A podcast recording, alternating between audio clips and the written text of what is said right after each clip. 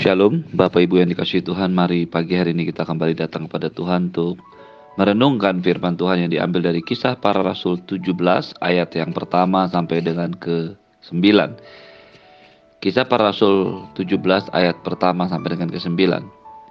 Keributan di Tesalonika. Paulus dan Silas mengambil jalan melalui Amphipolis dan Apollonia dan tiba di Tesalonika. Di situ ada sebuah rumah ibadat orang Yahudi. Seperti biasa, Paulus masuk ke rumah ibadat itu. Tiga hari sabat berturut-turut ia membicarakan dengan mereka bagian-bagian dari kitab suci. Ia menerangkannya kepada mereka dan menunjukkan bahwa Mesias harus menderita dan bangkit dari antara orang mati. Lalu berkata, inilah Mesias, yaitu Yesus yang kuberitakan kepadamu. Beberapa orang dari mereka menjadi yakin dan menggabungkan diri dengan Paulus dan Silas dan juga sejumlah besar orang Yunani yang takut akan Allah, dan tidak sedikit perempuan-perempuan terkemuka. Tapi orang-orang Yahudi menjadi iri hati dan dibantu oleh beberapa penjahat dari antara petualang-petualang di pasar. Mereka mengadakan keributan dan mengacau kota itu. Mereka menyerbu rumah Yason dengan maksud untuk menghadapkan Paulus dan Silas kepada sidang rakyat.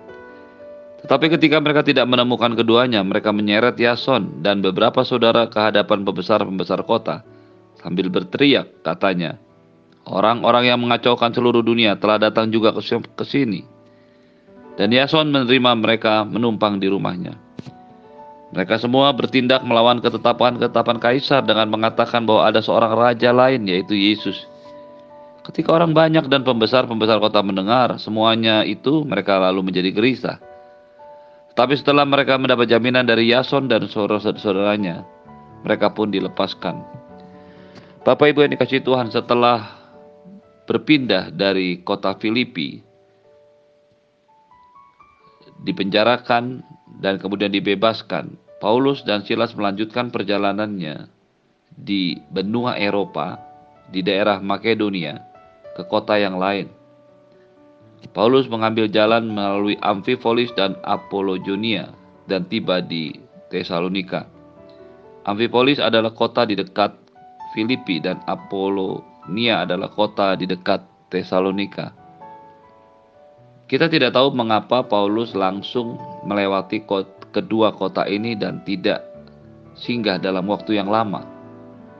Tetapi jika kita melihat apa yang terjadi dengan Filipi di mana Yesus maaf di mana Paulus tidak menemukan rumah ibadah tetapi hanya menemukan tempat sembahyang orang Yahudi yang berada di luar kota dan mereka harus menyusuri sungai, kita mengerti bahwa kemungkinan besar di Amphipolis dan Apollonia ini juga tidak ada rumah ibadah orang Yahudi. Menjadi sebuah pola pelayanan Tuhan Yesus dan juga pola pelayanan Paulus.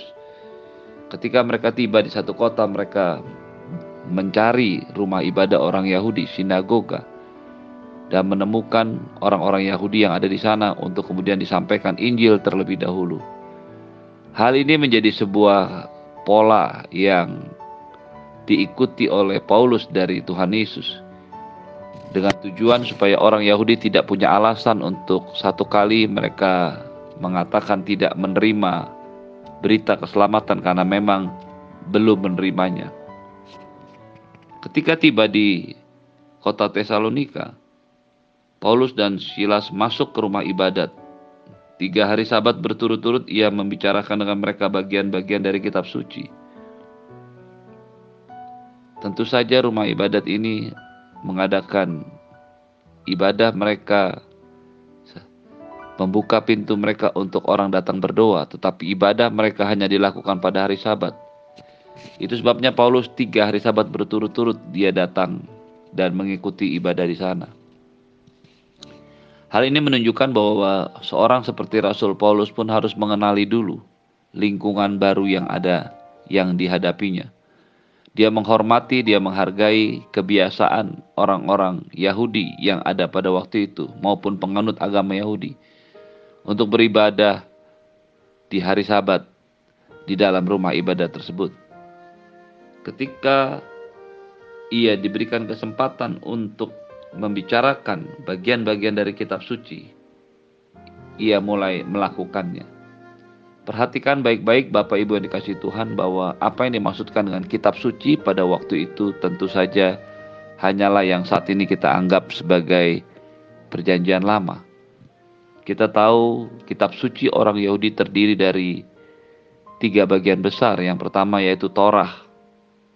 Yang kedua itu adalah kitab para nabi dan kemudian kitab catatan-catatan ketufim.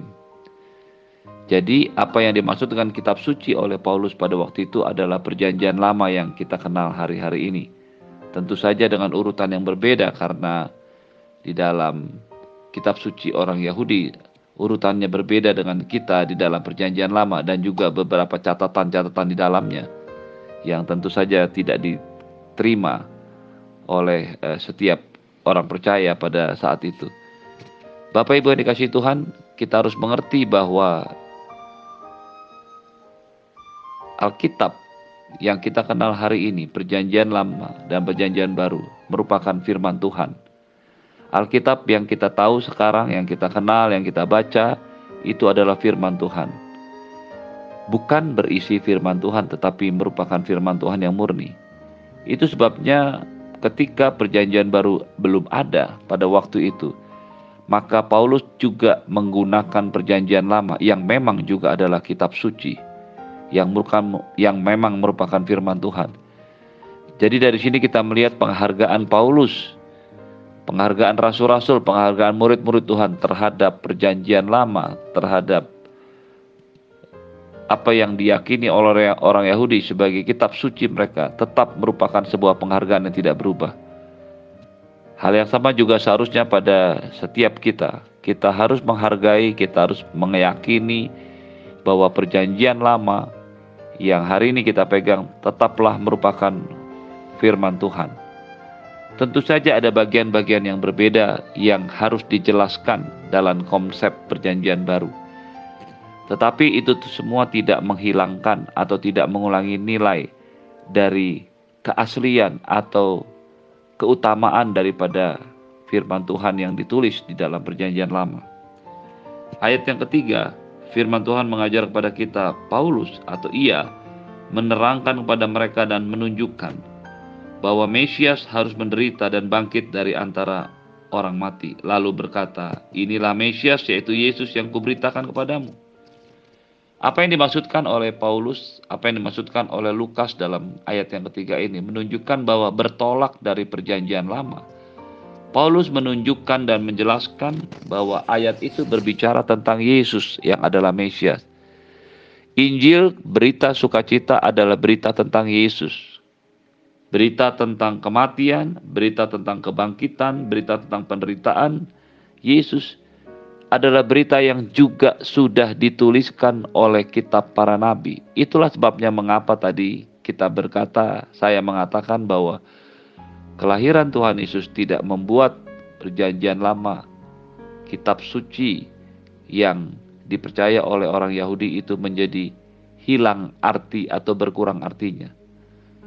Perjanjian lama dan perjanjian baru keduanya merupakan firman Tuhan yang kita percaya Tuhan inspirasikan melalui roh kudus kepada para penulisnya Ketika Paulus menjelaskan kepada orang-orang Yahudi dan penganut agama Yahudi yang ada di kota Tesalonika, ia menggunakan perjanjian lama, ia menggunakan ayat-ayat kitab para nabi dan juga catatan-catatan yang ada.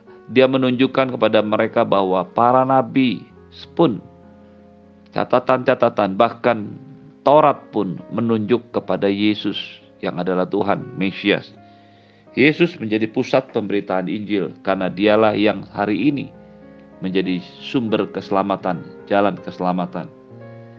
Kata menerangkan berasal dari bahasa Yunani dianoigo. Dianoigo itu membuka pikiran, membuka dengan cara memilah-milah, membagi-bagi bagian-bagian. Hal ini sama seperti orang membuka hati dan mata, membuka pikiran untuk mengerti. Paulus ingin mengajar mereka dengan membuka pikiran mereka, menerangkannya. Dia noigo.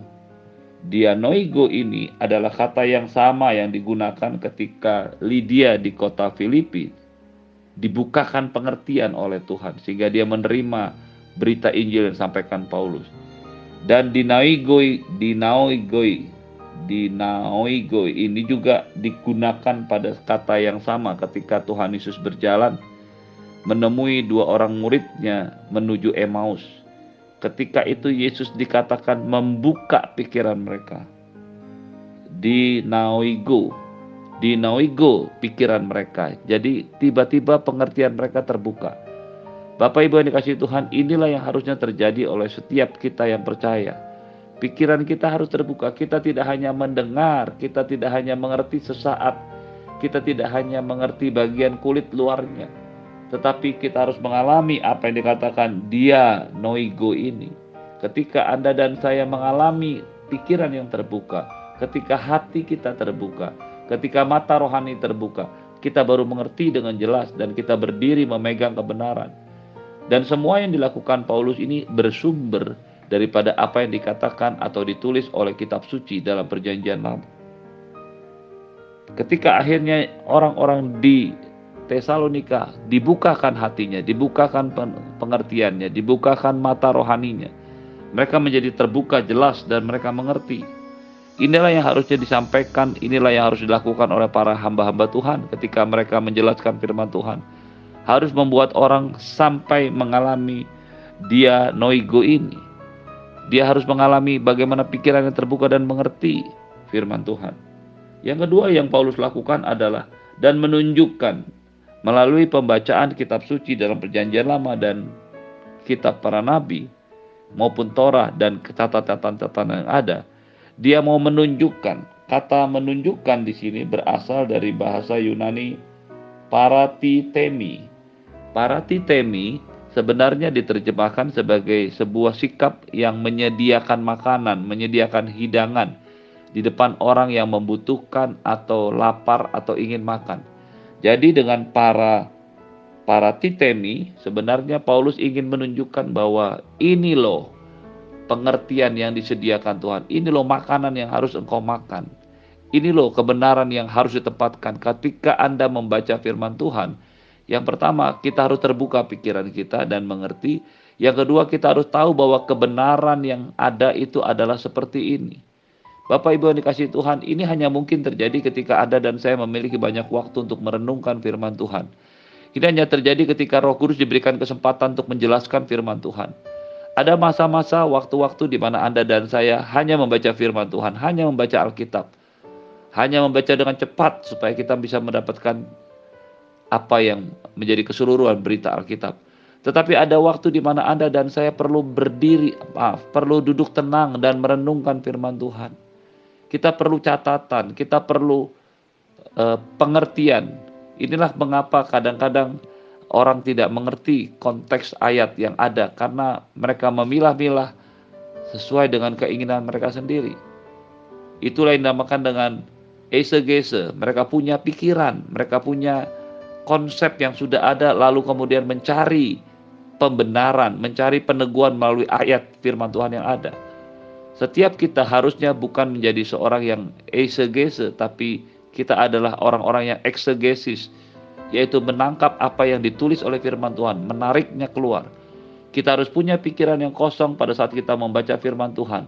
Lalu kita mengambil, kita duduk, kita masuk dalam situasi yang sama pada pada waktu firman Tuhan itu ditulis. Lalu kita menangkap apa yang dimaksudkan oleh firman Tuhan. Inilah kata para titemi. Ketika Anda dan saya mengerti firman Tuhan pada tempatnya, maka kita akan mendapatkan kebenaran. Ketika hal ini terjadi, orang-orang ya Yahudi yang ada menggabungkan diri dengan Paulus dan Silas juga sebagian besar orang Yunani yang takut akan Tuhan dan tidak sedikit perempuan-perempuan yang terkemuka. Ketika mereka mendengar, mereka mengerti kebenaran firman Tuhan, mereka menangkap mereka terbuka hatinya, mereka menerima. Tapi bagi orang-orang yang tidak membuka hatinya, tidak mau membuka hatinya, tidak mau mengerti, bukan tidak bisa, tetapi tidak mau. Mereka menjadi iri hati dan akhirnya membuat kekacauan. Bahkan dengan sangat memalukan mereka dibantu oleh penjahat-penjahat petualangan di pasar, preman-preman, membuat kekacauan dan keributan. Mereka juga mencoba mencari Paulus dan Silas yang ada di rumah Yason.